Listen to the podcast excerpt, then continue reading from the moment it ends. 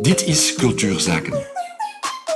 Een podcast door en voor de cultuursector. In dit tweede seizoen gaat Aminata Demba in gesprek met cultuurwerkers over het boeiende parcours dat ze hebben afgelegd, over hun ondernemerschap in cultuur. Laat je inspireren door verhalen die van cultuur een noodzaak maken. Beste luisteraars, ik heb vandaag Morgan Gielen aan tafel. Voor de mensen die haar nog niet kennen, Morgan is zelfstandige lifestyle- en modefotografe. Ze is ook oprichter van No Babes Agency, een inclusief modellenbureau. Uh, ze was ook te zien op de rubriek hashtag NoFilter bij Iedereen Beroemd. Misschien uh, daar ook bekend voor de meeste mensen. En met haar initiatieven probeert ze heersende schoonheidsidealen in vraag te stellen. Heel ambitieus, Morgan. Welkom. Dank u. Uh, Morgan, um, voor de mensen die u kennen, jij maakt van inclusiviteit en diversiteit echt een punt in, in jouw werk. Maar uh, we zullen beginnen bij het begin. Kan je misschien iets vertellen over waar de kiem van je passie uh, voor fotografie is ontstaan? Op 14-jarige leeftijd eigenlijk al. Een familielid had mij een kleine camera gegeven en toen is de bal aan het rollen gegaan. Um, ik had wel al wat fotografie op school, zo'n uurtje per week of zo. Ik studeerde toegepaste beeldende kunsten. Maar het is eigenlijk begonnen met echt selfies en vriendinnen voor mijn lens te zetten. En van daaruit heb ik dan eigenlijk al op 16-jarige leeftijd een Facebook businesspagina gemaakt. En ben ik zo lid geworden van een aantal Facebookgroepen waar je zo amateurmodellen en make-up artiesten en zo in kunt vinden. Daar wat oproepjes geplaatst en zo is het begonnen. En zo is het groter geworden. En uh, ik ben dan Sint-Lucas gaan studeren. Uh, fotografie in Brussel.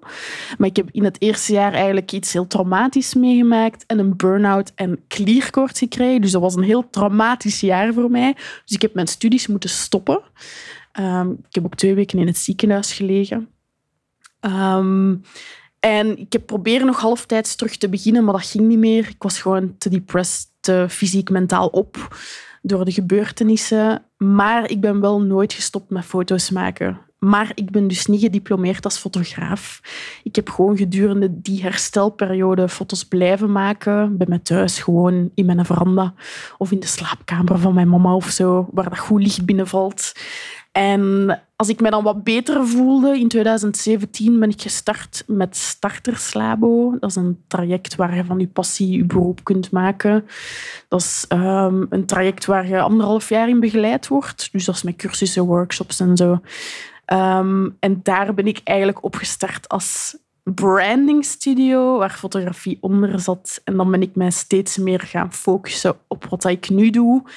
Dat is mode- en lifestyle fotografie met de focus op inclusiviteit. Ja, um, je hebt het al een beetje mooi aangeraakt, maar ik wil toch even teruggaan naar dat moment van je zit op de schoolbank, het gaat mis. Uh, je, je zit in een situatie van herstel. Hoe maak je die eerste concrete stappen terug naar, naar een professioneel leven? Je hebt het al aangegeven, uh, je hebt ingeschreven, maar um, zijn er nog dingen die je hebt ondernomen om zo terug je weg te vinden? Ja, sowieso op dat moment was ik heel down en, en donker in mijn hoofd. Dus ik heb ook beslist om echt coaching en therapie te gaan uh, volgen. Ik ben heel hard van van uzelf altijd te blijven ontwikkelen. U altijd te omringen door mensen die al verder staan. Dus dat heb ik heel hard in die periode gedaan om mezelf daar terug uit te halen. Dus dat is wel een belangrijke stap geweest voor mij. Maar anderzijds ben ik al sinds heel jonge leeftijd gewoon heel ambitieus in alles wat ik doe. Mhm. Daarvoor was het meer muziek en zingen en toneel.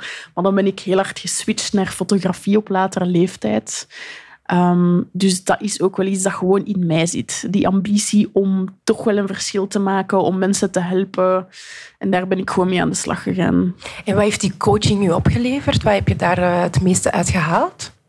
Veel heel veel zelfkennis, heel veel bewust worden van mijn eigen patronen, maar ook wat ik mee heb gekregen van mijn opvoeding, mijn omgeving, mijn onbewuste vooroordelen, stereotypes van hoe ik naar mensen kijk, hoe ik naar mezelf kijk. Ik ben ook heel spiritueel en holistisch aangelegd, dus ik durf ook wel verder te kijken dan misschien wat de standaardmaatschappij doet. Um, maar ik geloof dat alles in, in connectie staat met elkaar en ja, dat heeft mij heel ver gebracht. Dus dat gaat van lichaamswerk tot echt business coaching, tot uh, acupunctuur, tot Chinese geneeskunde, tot klassieke psychologie. Dus uh, hoe meer, hoe beter. Hoe meer input, hoe liever. En ik wil inpikken op het gegeven van business coaching. Wat zijn daar de dingen die je uh, voornamelijk hebben geleerd, die toch de bouwstenen van ja, waar je nu staat hebben gezet? Ik had heel veel moeite met de juiste prijzen zetten en mij naar waarde in te schatten omdat ik sinds jongs af aan toch al een beetje struggle met een minderwaardigheidscomplex. Ook al spreek ik dat woord niet meer graag uit om er niet te veel aandacht aan te geven, maar het is gewoon een deel van mij.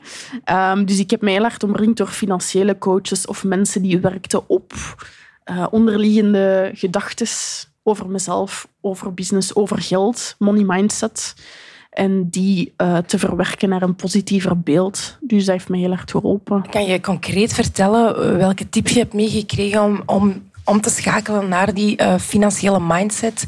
Ik denk dan aan de overtuigingen dat ik over geld had. Bijvoorbeeld, geld is hard werken, geld is negatief, geld is machtsmisbruik, ik zeg maar iets.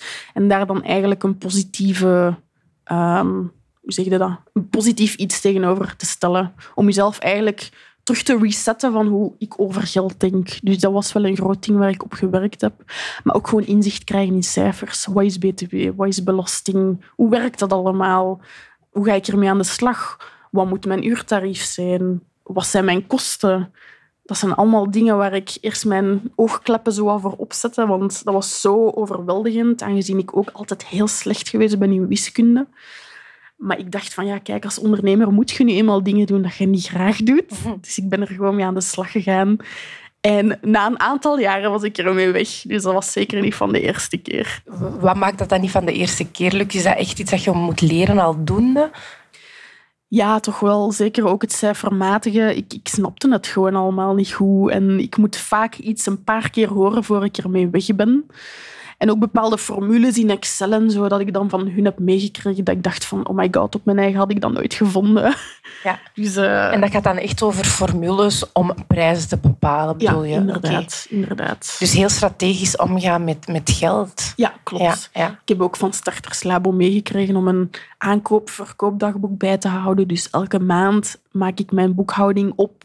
Schrijf ik alles netjes op van wat er is binnengegaan, uh, binnengekomen, wat er is buiten gegaan, hoeveel kosten dat ik heb gemaakt, hoeveel winst dat ik heb. Dat ik echt heel overzichtelijk weet wat dat mijn financiële situatie is. En ik heb ook um, van een financieel coach geleerd om minstens zeven verschillende rekeningen te hebben. Dat klinkt veel, maar dat is echt superhandig. Dan weet ik perfect van, oké, dit is mijn marketingbudget.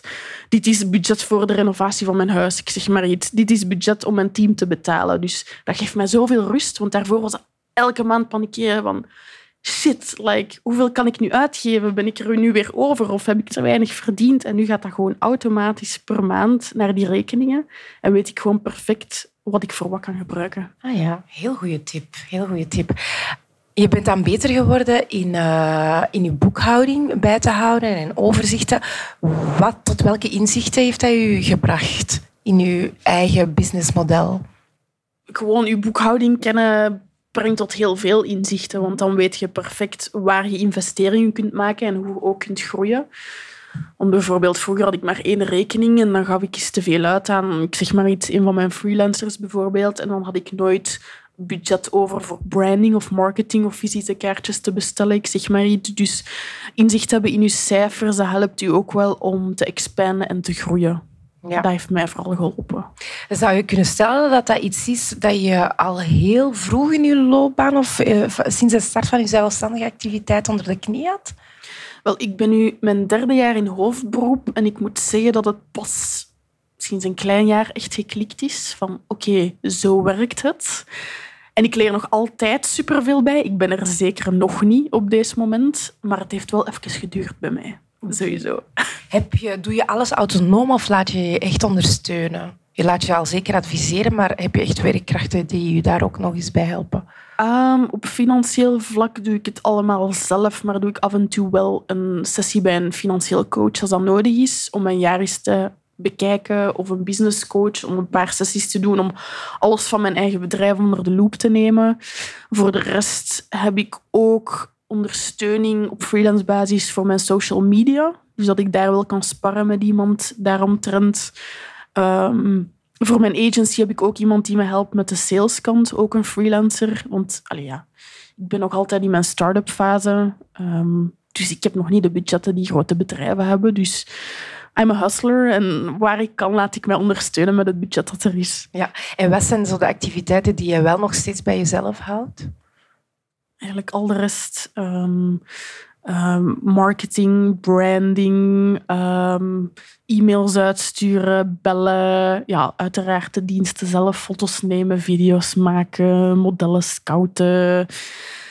Um, het management algemeen, over de freelancers waarmee ik werk, um, de nabewerking van al mijn beelden. Dus ja, al de rest dat erbij komt Heel kijken. Veel, dus. Ja. Heb je het gevoel dat je ja, met het groeien toch nog gaat moeten delegeren op een bepaald moment? Ja, absoluut. Ik heb ook wel geleerd over de periode heen dat je drie cirkels hebt. Je, comfortzone, je stresszone en je paniekzone. En de comfortzone is waar je goed in bent. Bijvoorbeeld, ik ben goed in foto's nemen, dus dat doe ik graag, dat is geen probleem. En dan de stresszone is al meer bijvoorbeeld mijn boekhouding. Maar alles wat in de stresszone ligt, moet je zelf uitdagen om te doen. Of dat doe ik toch voor mezelf. Want in die cirkel ligt je groeipotentieel. Maar alles wat in de paniekzone ligt, echt, waar je echt troubles mee hebt en op dicht slaagt als je het moet doen, dat zijn de dingen dat je gewoon best uitbesteedt. En op een bepaald moment was dat voor mij bijvoorbeeld de sales doen voor mijn uh, modellenbureau.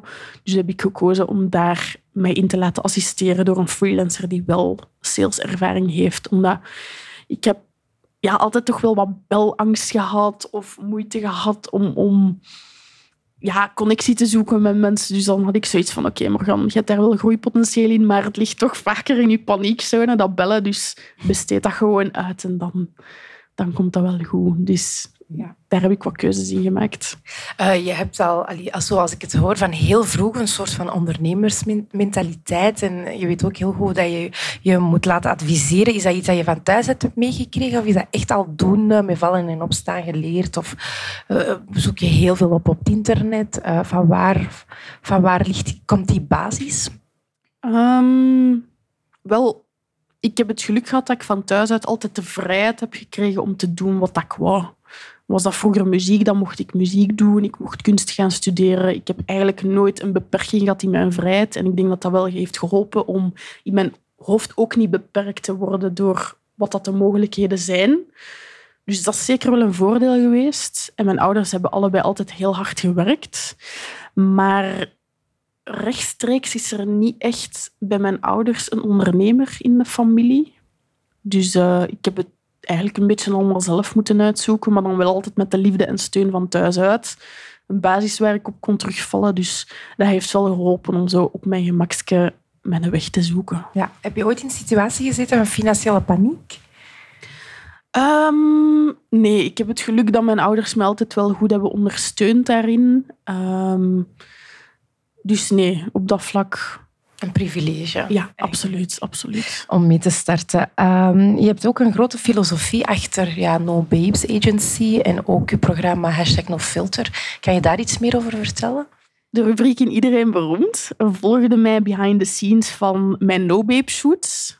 Um, waar ik eigenlijk mensen met een kwetsbaar of taboe doorbrekend verhaal voor de lens zet. Dus was meer inzoomend op hun verhaal ook en hoe ik dat vertaal naar een beeld. En dat is ook iets dat ik in mijn fotoboek heb gedaan en mijn expositie, dat vorig jaar heeft plaatsgevonden. En uh, op de expositie zelf heb ik daar eigenlijk een paar journalisten tegengekomen en regisseurs en producers die zoiets hadden van ah, Morgan, dat is super interessant om audiovisueel te vertalen. En zo is de bal gaan rollen geweest. We hebben dan een pitch ingediend bij de VRT. En dan konden ze dat linken aan de warmste week. En zo is de rubriek er dan gekomen. Dus heel organisch gegroeid eigenlijk. En dan een paar maanden geleden, tien maanden geleden nu, heb ik beslist om heel impulsief een, een agency op te starten. Omdat ik doorheen die periode van drie jaar mensen fotograferen voor No Babes zoveel mensen heb tegengekomen die zoveel potentieel hadden in de modesector, waar ik ook in werk als modefotograaf, maar die geen kans kregen doordat ze een centimeter te klein waren, te speciaal, te veel tattoos, te mentaal of fysiek tussen haakjes beperkt volgens de maatschappij. Dus ik had zoiets van, fuck, fuck deze eigenlijk. Ik ga gewoon mijn eigen vuile goesting doen en ook tonen hoe dat anders kan. Ja, je zei zelf, ja, ik heb het heel impulsief gedaan. Ehm, is dat denk ik de, is dat volgens jou de essentie van cultureel ondernemen, dat je vanuit een visie of een ideologie iets start? Bij mij toch wel. Er moet een bepaalde passie en drive achter zitten. Want ik dacht ook van, ja, ik ben al fulltime fotograaf. Nu komt daar gewoon nog eens een tweede business bij. Dus how the hell will I do that? Maar het is door echt die pure passie voor wat ik doe en mensen een stem geven, dat ik de kracht heb gevonden om dat gewoon te combineren. En ik ben op dit moment echt wel een workaholic, maar toch blijf ik mijn energie eruit halen. Ja, want ik vraag me af, hoe doe je dat? Een, een filosofie of een ideologie en een businessmodel laten rijmen met elkaar? Oef. Ja, zo ben ik eigenlijk bij Starterslaven begonnen. Ik heb een droom, ik heb een passie. Ik wil fotograaf worden. En dan door experten die verder staan als u, kun je dat concretiseren. Ja, maar Morgan, het gaat aan dat gedacht en aan dat. En schrijf dat eens neer. Want als dat in je hoofd blijft zitten, dan gaat het er nooit van komen. Je moet dat echt neerschrijven en herschrijven. En een jaar later nog eens herschrijven en jezelf constant verbeteren. Ja. En dat is iets dat ik ook elk jaar probeer te doen. Eigenlijk een soort evolutie ook erin toelaten, Ja. bij wijze van spreken. Ja, ehm, had je van in het begin een strategische mindset of, heb je dat, of, of, of is dat iets dat op een andere manier zich gemanifesteerd heeft? Ik ben echt een typische artiest, zo totaal niet money-driven. Dat is iets dat ik gewoon over de tijd heen heb geleerd om te doen. Ehm, omdat ik ooit zoiets had van, ja Morgan, je moet hier wel van leven en je wilt ooit een huis kopen en, en financieel op je eigen stabiel zijn. Dus ja, daarin heb ik ook weer stappen gezet naar andere mensen. Maar van mezelf had ik dan niet direct in mij. Ik was meer zo van, ah, als ik foto's kan trekken, ja, sure, ik zal het wel gratis doen. En dan heb ik gewoon geleerd hoe, eh, hoe fucked up de, ik kan niet anders zeggen, hoe fucked up de creatieve sector soms is, in de zin van hoeveel mensen daarin onderbetaald worden. En dat gaf mij weer vuur om te zeggen van shit, allee, dat moet echt meer aan het licht komen. Mensen moeten beseffen wat voor systemen daarin aanwezig zijn. Als we daar meer bewustzijn rond creëren, kunnen we misschien er meer voor zorgen dat creatievelingen deftig betaald worden. Want oh, het is maar een foto nemen, of oh, het is maar acteren, of het is maar zingen. Like, seriously, dat is, dat, dat is iets dat serieus moet genomen worden. Ja, en hoe vecht je daar dan tegen? Gewoon mensen bewust maken dat dat een, een probleem is. Hm. Gewoon daarover praten.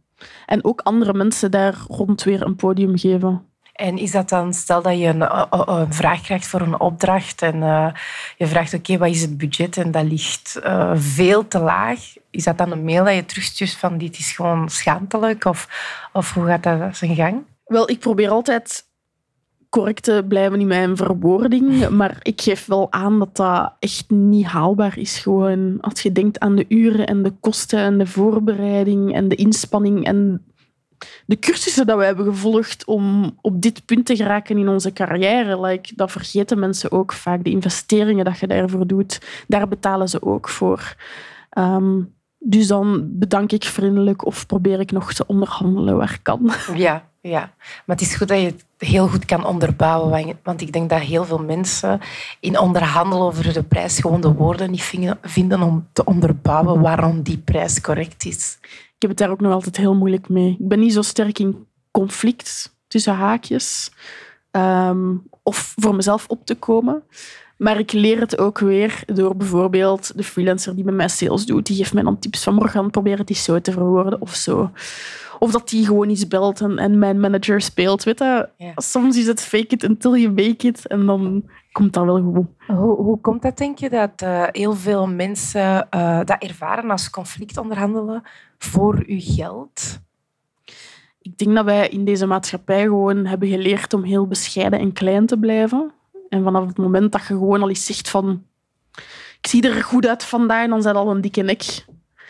Ehm, dus ik denk dat het wel een beetje eigen is aan onze maatschappij. En dat we ons ook bewust moeten zijn van hoe dat ze ons soms klein willen houden. Ons in de lijn willen houden. En als je zegt eh, eigen aan de maatschappij, bedoel je dan cultureel, Cultureel, Belgisch of ja. cultureel Vlaams? Of, eh, Ja, Vlaams. Ik Ah, ja. denk, ja, Wallonië ken ik niet goed genoeg. Maar ik heb al gehoord dat die daar misschien wat anders in staan. Of misschien wat mondiger zijn. I don't know. Maar in Vlaanderen is het wel iets dat ik zelf al heb opgemerkt en wat anderen mij ook bevestigen. Ja.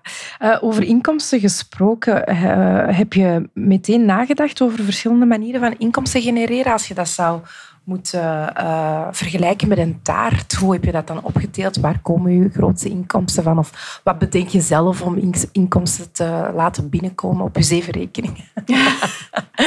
wel, ik ben daar inderdaad wel veel mee bezig. In het begin maakte ik gewoon foto's. Dus ik dacht, ja, ik ga gewoon foto's maken, foto's bewerken en that's it. Maar dan heb ik ook een, ambitie ontdekt voor video's maken, bijvoorbeeld. Dus dan ben ik dat ook beginnen doen. Ik heb ook um, in avondschool nog een diploma gehaald als graphic designer. In die herstelperiode. Gewoon op mijn gemakske avondschool. Dus dan dacht ik, ah, daar kan ik ook inkomsten uithalen. Maar op termijn werd het te veel. Dus ik ben over de jaren heen eigenlijk terug meer gaan funnelen naar wat wil ik echt. Maar in het begin zei ik, branding studio. Dan deed ik graphic design en webdesign en video's en foto's. Dus dat zag ik als verschillende inkomstenbronnen. Maar op, termijn had ik ook zoiets van, ja, dat werkt toch niet. Want de mensen zijn dan verwacht van, ja, maar waarvoor kunnen we morgen dan eigenlijk inboeken? Dus ik heb dat eigenlijk terug gefunneld naar, wat doe ik het liefste? En dat is echt kill your darlings. Want eigenlijk doe ik alles graag, maar wat doe ik echt het allerliefste? En dat is mode- en lifestyle fotografie met focus op inclusiviteit en diversiteit. Dus daar ben ik nu heel hard op aan het focussen de laatste twee jaar ongeveer.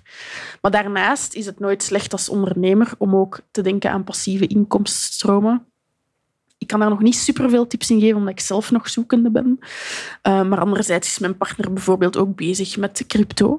Um, we hebben ook een huis gekocht waar we op termijn een fotostudio in zouden bouwen, wat we dan ook kunnen verhuren. Misschien zelfs een stukje Airbnb verhuren. Dus um, ik beperk het zeker niet tot mijn eigen sector. Ik denk ook... Ah, uh, digitaal, wat kan ik doen? Um, kan ik misschien een e-book verkopen? Kan ik misschien uh, in IMO investeren op termijn? Uh, die crypto, gaat mij dat iets opbrengen of niet? Of, dus ik, ik zet wel in op verschillende paarden. Is dat iets uh, dat je adviseert als cult aan culturele ondernemers om ook echt na te denken over passieve manieren van inkomsten genereren? Ja, zeker als zelfstandige. Ik denk dat ik geen enkele zelfstandige ken, op uitzondering van een paar, die fulltime leven van één ding. Meestal is dat van, ah ja, ik doe dat, maar ik heb ook nog drie panden die ik verhuur als appartementen. Of, of ik zet ook in op crypto. Of uh, ik doe daar nog een jobje naast of zo. Dus um, allee, toch in mijn start-up wereld, waarschijnlijk de big businesses, I don't know. Maar uh, ja, de meesten doen wel verschillende dingen ja. om daarmee verder te geraken. Is voor jou uw positionering in het veld en in de sector uh, direct verbonden met uh, ja, die, die inkomsten? Omdat je er straks zei dat je ook een soort van evolutie in gekend hebt in wat ga ik nu doen en dat je dat nu een beetje vernauwt. Um, is dat, met, is dat direct gelinkt? Wat komt eerst, je positionering of, of het nadenken over je inkomsten? Ik denk eerst heel helder kunnen communiceren naar de buitenwereld en voor jezelf wat dat je doet en wat dat je specialisatie is. En van daaruit kun je gaan verder bouwen. Maar sowieso, voor je begint, moet je ook al een businessplan hebben. Je moet echt wel weten van waar komen de centen vandaan? Hoe ga ik deze doen? Wat is mijn financieel plan? Wat is mijn visie? Wat is mijn missie? Dus dat is alle voorbereiding dat er wel voor moet gebeuren. Dus voor de positionering in de markt komt nog alle voorbereiding. En dan kun je gaan denken aan expanden. Ja. Als dat al ja, vast in steen staat. Is, ja, als dat helder is, ja. Um, voor wat je doet ben je ook gewoon afhankelijk van samenwerkingen, partnerschappen. Hoe pak je dat concreet aan? Netwerk is heel belangrijk als zelfstandige. Dat kan via social media, dat kan op netwerkevents, dat kan zelfs via vrienden en familie gaan. Mond-aan-mond reclame is nog altijd heel onderschat van wat de impact daarvan kan zijn. Dus uh, dat is ook een beetje op, op verschillende pistes inzetten maar gewoon altijd verkondigen wat dat je doet, wie dat je bent. Als het nu tegen de buurman is of tegen iemand dat je tegenkomt op een netwerkevent. Like, plant die zaadjes. Je weet nooit wat dat eruit gaat komen binnen misschien vijf jaar. Is dat iets waar je heel strategisch mee bezig bent? Eh, zaadjes planten en zoveel mogelijk? Um, ja, toch wel. Toch wel. Maar zoals ik zei, bots ik nog altijd wel een beetje tegen dat... Um, minderwaardigheidscomplex in de zin van oh, ik ben maar één van de vele fotografen. Maar dan ben ik zo, nee, we gaan, kom aan. Je zegt goed wat je doet. Durven te zeggen. En dat helpt wel door de mensen die rondom mij staan. Die zeggen van, kom aan, we gaan own it. Je hebt al dat en dat, en dat bereikt. Like, je mocht er zijn. Just go for it. En spread the word. Wat zijn zo concrete dingen die je inzet om die samenwerkingen te verzekeren of, of op te bouwen? Wat bedoelt je met inzetten? Ja, wat zijn, is dat echt uh, bijvoorbeeld ervoor zorgen dat je altijd een visitekaart uh, bij hebt? Is dat uh, altijd je Instagram delen? Is dat heel assertief mailen naar bepaalde organisaties dat je doet? Um, ja, wat, wat, doe jij op dagelijkse basis om ervoor te zorgen dat mensen Morgan Gele niet vergeten? Eigenlijk sowieso al de drie dat je vernoemd hebt. Ik heb altijd visitekaartjes bij. Ik toon altijd mijn Instagram. Of ik zeg, ah, zit jij op Instagram? Kan ik u volgen?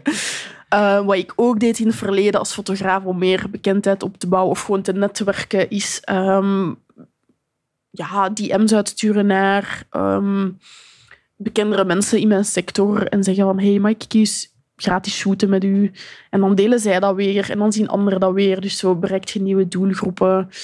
Um, maar ook iets wat mijn stagiaires bijvoorbeeld vaak vragen is van ja, maar Morgan, ik ben fotograaf, maar ja, niemand stuurt mij. Ik zeg, ja, maar dat is normaal. Like, jij, moet, jij moet zelf mensen sturen, want je kunt eeuwig blijven wachten, maar dan, ja, dan gaat het nooit komen. Dus wat ik ook doe, is inderdaad echt jaarlijks honderden mails uitsturen van hallo, ik ben Morgan Kielen, ik ben fotograaf, ik zal super graag voor u werken.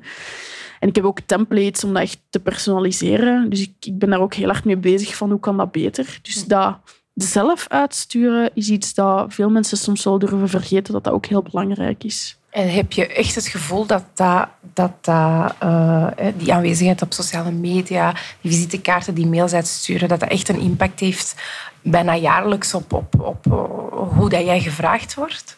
Ja, absoluut, absoluut. Want op dit moment heb ik nog nooit echt marketingbudget vrijgemaakt voor het adverteren op mij als fotograaf. Ook NoBabes is volledig organisch verlopen. Via via, via zelf mails uitsturen, zelf echt jagen. Maar ik ben echt een stier. Als ik iets wil, dan ga ik ervoor. Ik blijf jagen en sturen.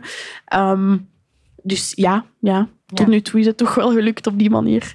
Um, assertiviteit is een woord dat denk ik bij iedereen die hier aan tafel uh, heeft gezeten naar boven is gekomen. Uh, hoe resoneert dat bij jou? Um, ik herken me daar zeker ook in, absoluut. Ik ben een, een, een hunter, zoals ik zei, op wat ik voor ogen heb. En, uh, is dat iets noodzakelijk om cultureel te ondernemen? Um, ik denk dat de meesten in de culturele sector toch wel een bepaalde visie willen overbrengen. Um, en daarvoor denk ik dat assertiviteit ook wel heel belangrijk is om dat te voltooien en in de wereld te brengen. Dus ik denk dat dat wel hand in hand gaat. Ja. ja. Je hebt een heel heldere visie rond inclusiviteit en diversiteit. Dat zijn uh, ja, heel populaire uh, woorden uh, ja. de dag van vandaag. Heel veel mensen zetten erop in, maar er is ook heel veel weerstand tegen. Mm -hmm. Omdat het tijdrovend zou zijn, omdat het niet zou opbrengen.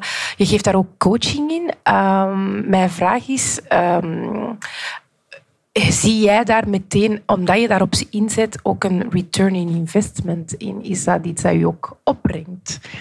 Wel, NoBabes is begonnen als vrijwillig project. Helemaal um, op zijn eigen, met crowdfunding, pre-orders van het fotoboek verkopen, van de expositie. Ik ben eigenlijk de agency gestart om inkomsten te genereren om dat verder te kunnen zetten. Um, maar nu op termijn, ja, er zijn zeker wel opportuniteiten uitgekomen door dat project op te starten. Dus op termijn heb ik dat wel kunnen linken aan mij als fotograaf en zijn er wel opportuniteiten uit voortgekomen. Dus dat wel. Maar bijvoorbeeld bij de agency merk ik nu ook dat heel veel mensen er gewoon nog niet klaar voor zijn. Want we zijn officieel gezien het eerste inclusieve modellenbureau in België in de zin van dat wij mensen met mentale en fysieke andersheden representeren, personen van kleur, plus size, maar echte plus size, tot maatje 60. Uh, non-binaire mensen, mensen die zich identificeren als, als transpersonen. En dat vind je bij klassieke bureaus niet. Maar je merkt dat veel klanten er wel nog niet klaar voor zijn. Want vaak hebben we contact met casting directors of PR-bureaus en die zijn altijd heel enthousiast. Maar het is vaak de klant die het nog afblokt. Dus nu is er vaak nog sprake van tokenisme in plaats van echte inclusiviteit. Um, Waaraan ligt dat, denk je, die weerstand? Ik denk dat het voor velen gewoon iets nieuws is. Iets waar pas de laatste jaren echt over gesproken wordt en iets over verteld wordt in de media. En mensen zijn gewoontediertjes. En voordat mensen zich aanpassen aan iets, moet je echt al, denk vijf à tien jaar reclame maken tot het genormaliseerd wordt of zo. Hoe probeer jij dat te doorbreken? Uh, ik zet heel hard in op inclusieve beeldvorming. Um, maar ik ben zelf geen expert in de zin van... Ik ben expert in wat ik doe. Ik ben fotograaf, maar ik geef graag het podium aan andere mensen. Dus die coachings en workshops waar je over spreekt, daar laat ik mij ook in omringen door mensen uit de community zelf. Want ik heb alles geleerd door mensen te fotograferen en hun verhaal te horen. Um, maar in die workshops heb ik bijvoorbeeld... Um, experten in gender en inclusiviteit rond mij, of sociologen of antropologen, of mensen die zelf komen getuigen over hun eetstoornis of over plus-size zijn in een maatschappij waar dun zijn de norm is, basically. Dus um, ik doe dat zeker niet alleen. En ik wil ook zeker niet de stem zijn voor anderen. Ik geef graag gewoon de microfoon door en ik ben er als ondersteunende factor. Je zorgt eigenlijk voor een platform. Ja, waar de stemmen een plaats kunnen krijgen. Oké. Okay. Uh, wat is voor jou, of waar ligt voor jou de grootste uitdaging in cultureel ondernemen? Ja, ik denk in de culturele sector is er toch wel bijvoorbeeld bij fotografen een grote verzadiging die daar heel hard is opgekomen in de laatste jaren. Dus je stempel zetten op wie je bent en wat je doet, is denk ik wel een hele grote geweest bij mij toch. En ook typisch België, vind ik, gewoon voor alle ondernemers in het algemeen, is je moet jezelf al echt bewezen hebben voordat je serieus genomen wordt. Dus het was pas als ik bijvoorbeeld die rubriek op iedereen beroemd had of een fotoboek, dat ze zeiden, ah ja, ze meent het. Ah ja, ja, oké, nu geloof ik u. En daarvoor moest ik altijd heel hard knokken. En merkte ik dat ik vaak niet serieus genomen werd. Vind je dat lastig dat een platform als televisie ehm, eigenlijk meteen heel veel opportuniteit geeft, uh, terwijl je daarnaast evenveel werk en energie erin steekt, maar misschien dat platform niet hebt. Dat is echt crazy wat tv doet. Gewoon met je kop op tv komen. Want daarvoor bijvoorbeeld werd ik totaal niet als zaakjes influencer aanschouwd. En sinds ik met mijn kop op tv ben geweest, is dat ene interview naar de andere krijg ik pakketjes doorgestuurd, word ik uitgenodigd voor exclusieve events. Dan heb ik zoiets van, ja, maar daarvoor werkte ik even hard en kon je mij ook online terugvinden. Maar mensen hechten nog altijd heel veel waarde aan. Oh, die is op tv geweest en dan wordt ze op een, op een verhoog gezet of zo. Hmm. Maar dat kun je misschien zelf ook uh, bevestigen.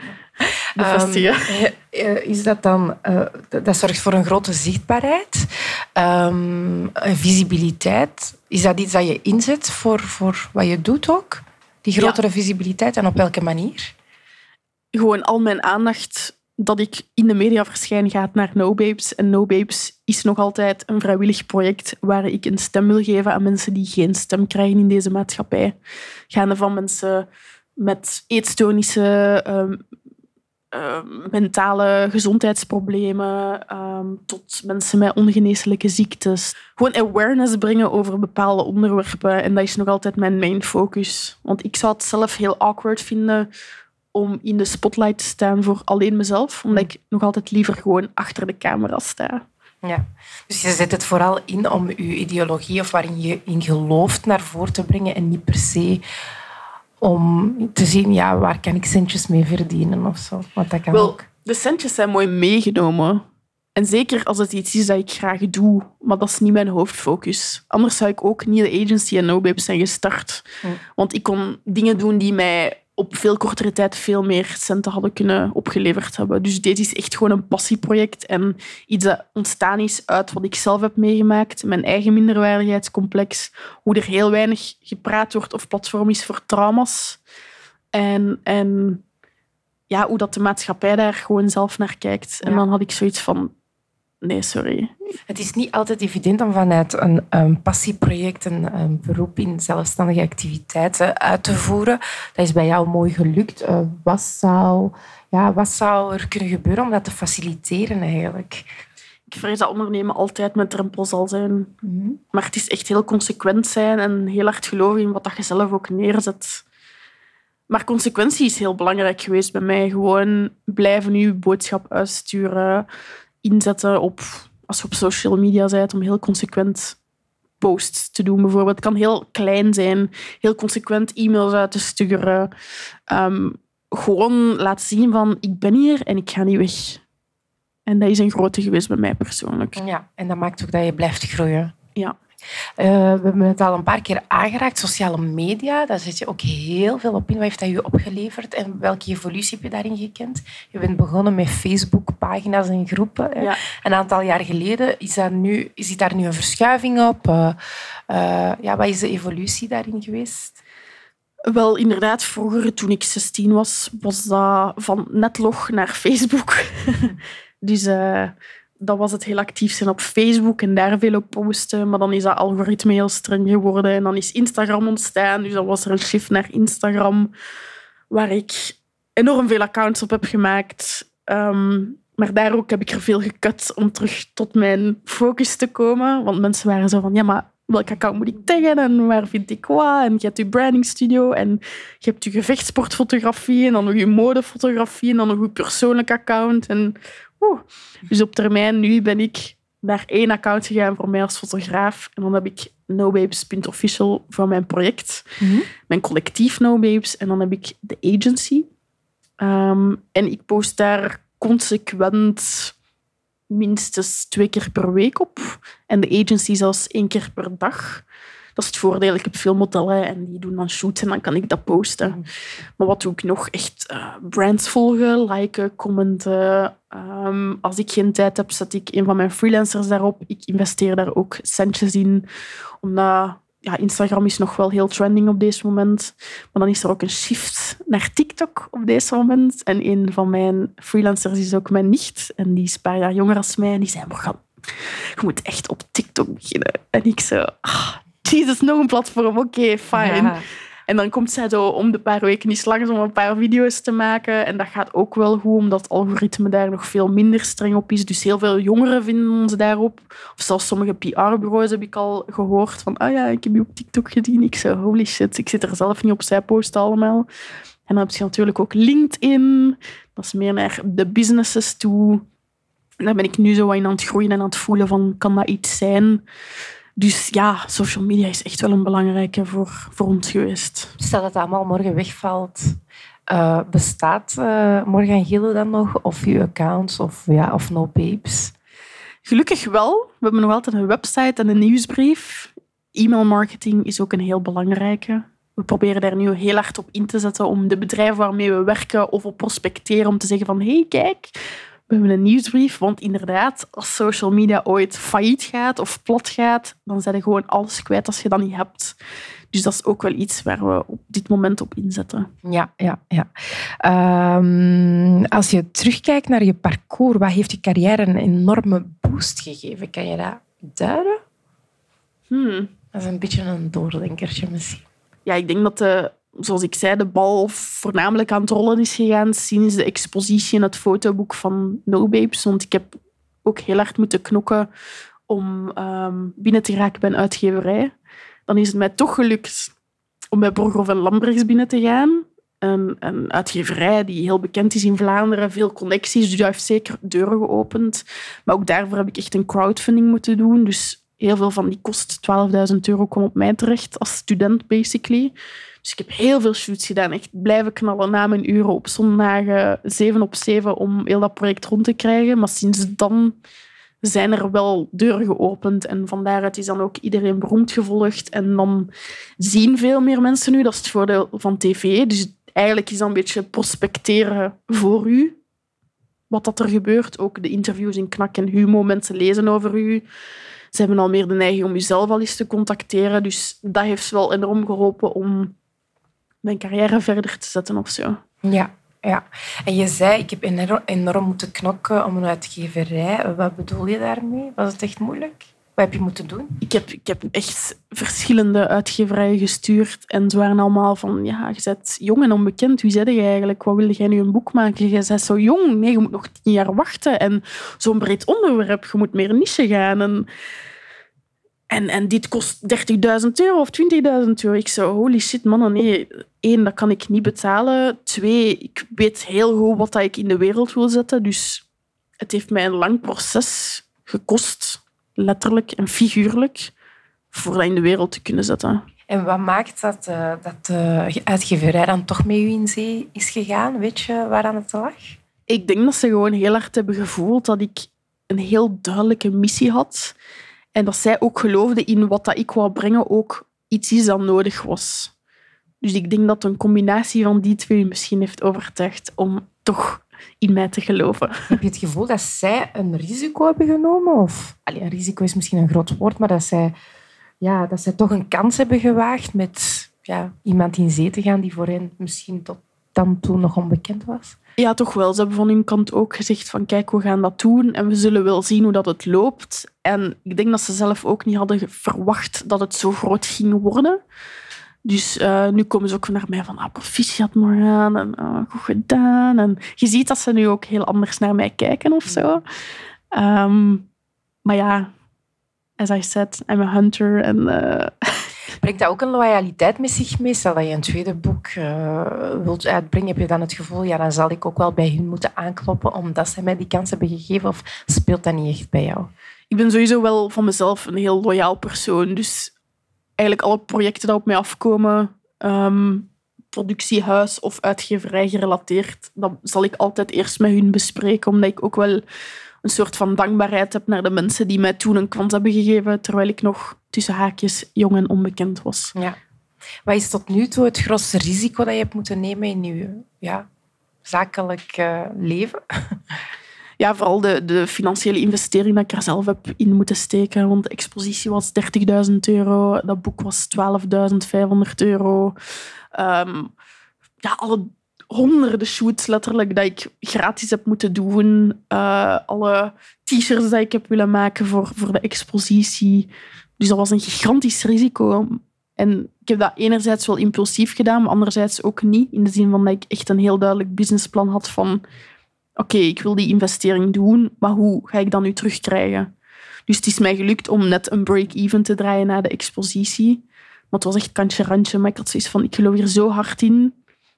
En ik wil echt met die verhalen naar buiten komen. Dat ik ook zoiets had van, fuck it, weet je, als, als het op dit moment niet terugkomt, zal het misschien in de toekomst wel terugkomen. Maar ik wil hier gewoon mee naar buiten treden. Wat gaf je het vertrouwen tijdens toch wel een moeilijk proces? Gewoon alle mensen uit de community zelf, uit de NoBabes community, dat die zo sterk waren om hun verhaal aan mij te vertellen en zo kwetsbaar tegelijk. En ik had zoiets van... Mijn rechtvaardigheidsgevoel werd gewoon zo hard aangewakkerd om te zeggen van ah, ik wil dit echt doen. En echt dik statement maken naar die schoonheidsidealen en, en taboes in deze maatschappij. Dus dat heeft me echt de kracht gegeven om hier gewoon voor te gaan. En... Zou je kunnen stellen dat je bijna intuïtief uh, gestuurd bent geweest? Ja. Ik geloof daar heel hard in. Is dat ook iets dat een deel uitmaakt van cultureel ondernemen? Ja. We hebben heel hard afgeleerd in deze, in deze wereld om te luisteren naar ons buikgevoel, intuïtie. Um, maar dat heeft mij zeker geleid in alles wat ik heb gedaan. Dat project is zo organisch gegroeid, zonder echt een duidelijke strategie achter. Wel een soort van ja, financieel plan om te weten van oké, wat gaat hier gebeuren? Maar dat is allemaal zo intuïtief gegroeid, ook naar de agency toe en zo, dat ik zoiets had van, dit is misschien wel de reden waarom ik op deze planeet terecht ben gekomen of zo. Gewoon om andere mensen een platform te geven. En, ja. Waar stuurt uw intuïtie u de komende vijf jaar? Uh, in welke richting stuurt die u? Of de komende tien jaar? Of waar voel je ah. dat je naartoe aan het navigeren bent? Wel, ik vind het sowieso fantastisch dat No Babes en, en mijn passie voor mode en lifestyle zo aan het samenkomen is. En ik wil echt een verschil maken met die agency. Want het is zo nieuw in België, maar ook internationaal. In Amerika staan ze wel al wat verder, maar op Europese basis is er echt nog zoveel dat veranderd moet worden. Ik heb ook zelfs al gebabbeld met uh, agencies in Londen en in Berlijn, gewoon om eens te chitchatten van hoe zit dat bij jullie. En zij zijn ook een van de enigsten die dat doen. En we hebben zoiets van, kom, we gaan gewoon als front samenwerken. Dus zij representeren ook modellen van ons en wij sturen opdrachten door als we iets binnenkrijgen voor hun land of zij naar ons. Dus het is echt één grote community die gewoon heel passion-driven is van hier moet iets veranderen. En ik hoop op termijn dat dat gewoon genormaliseerd wordt en dat wij niet meer de specialekes zijn, maar dat dat gewoon de norm is. Ja. Je doet heel veel Heel veel activiteiten. Uh, hoe ziet een uh, werkweek er concreet uit bij Morgan Gillen? Is dat heel gestructureerd? Hoe pak je dat aan? Um, ja? Hoe, um, hoe, krijg je een balans tussen werk en je privé? Ach, dat is de struggle van mijn leven, denk ik. Ja. Sowieso op maandagmorgen begin ik met een meeting met mijn freelancers van No Babes. Dus daar kijken we altijd naar, oké, wat gaat onze focus zijn voor deze week? En dan hangt het echt week per week af. Er zijn weken zoals deze week dat ik naar verschillende events moet en daar gewoon opspring voor goed te netwerken. Maar er zijn weken dat ik ook vol shoot sta. Um, er zijn weken dat ik meer focus heb op de agency. Er zijn weken dat ik gratis shoots doe voor No Babes. Dus het gaat echt super breed. Dat is ook typisch freelancers. Zo, geen week is hetzelfde. Dus ik kan ook niet goed pinpointen van wat ik op een week doe. Maar ik weet gewoon dat ik heel graag werk. En dat het echt een uh, struggle is om die work-life balance te vinden. Maar daar probeer ik nu heel hard op te focussen door ook echt tijd te nemen voor mijn partner bijvoorbeeld. Of te gaan sporten of vrienden te zien. Maar tot een tijd geleden vond ik het heel moeilijk om te genieten van die rustmomenten. Omdat mijn hoofd nooit stil stond. Maar daar heeft die meditatie en yoga wel heel hard bij geholpen. Zou je kunnen stellen dat uh, uw, uw, uw werkplanning eigenlijk ook impulsief en intuïtief gebeurt? Wat ook vaak gebeurt bij culturele ondernemers. Inderdaad. Als er iets op mijn pad komt, dan zeg ik... Oké, let's go with the flow en we zien wel. Dus uh, absoluut. En zo lossen de dingen zichzelf naarmate de tijd op. Ja, hopelijk wel. maar ja, sowieso als er niet veel binnenkomt, dan ga ik ook wel actief gaan prospecteren. Dus het hangt een beetje van periode tot periode af ook. Ja. Waar zie je jezelf over uh, een decennia? Mm, over tien jaar wel hopelijk in mijn nieuwe woning dat ik net heb aangekocht, met dan een fotostudio die goed functioneert, waar ik coole projecten kan uitwerken. Uiteraard met mijn partner en een paar mini-biertjes en rondjes in de tuin. En hopelijk heb ik dan ook al veel als fotograaf kunnen rondreizen. Dat is toch wel mijn, mijn doel. En misschien is No Babes Agency dan ook gevestigd in verschillende landen. En is dat een norm? Dus uh, ja, op dat vlak heb ik wel geen ambities tekort. Ja, heel ambitieus. Het was heel fijn om je hier aan tafel te hebben. Bedankt om dat allemaal uh, te delen en ons te prikkelen. Merci voor te luisteren. Ja, en we gaan nog heel veel van jou horen. Dankjewel, Morgan Gele. Merci. Bedankt voor het luisteren naar Cultuurzaken. Op zoek naar meer inspiratie, informatie of advies? Met Cultuurloket maken we meer dan podcasts. Dus check zeker ook onze website www.cultuurloket.be.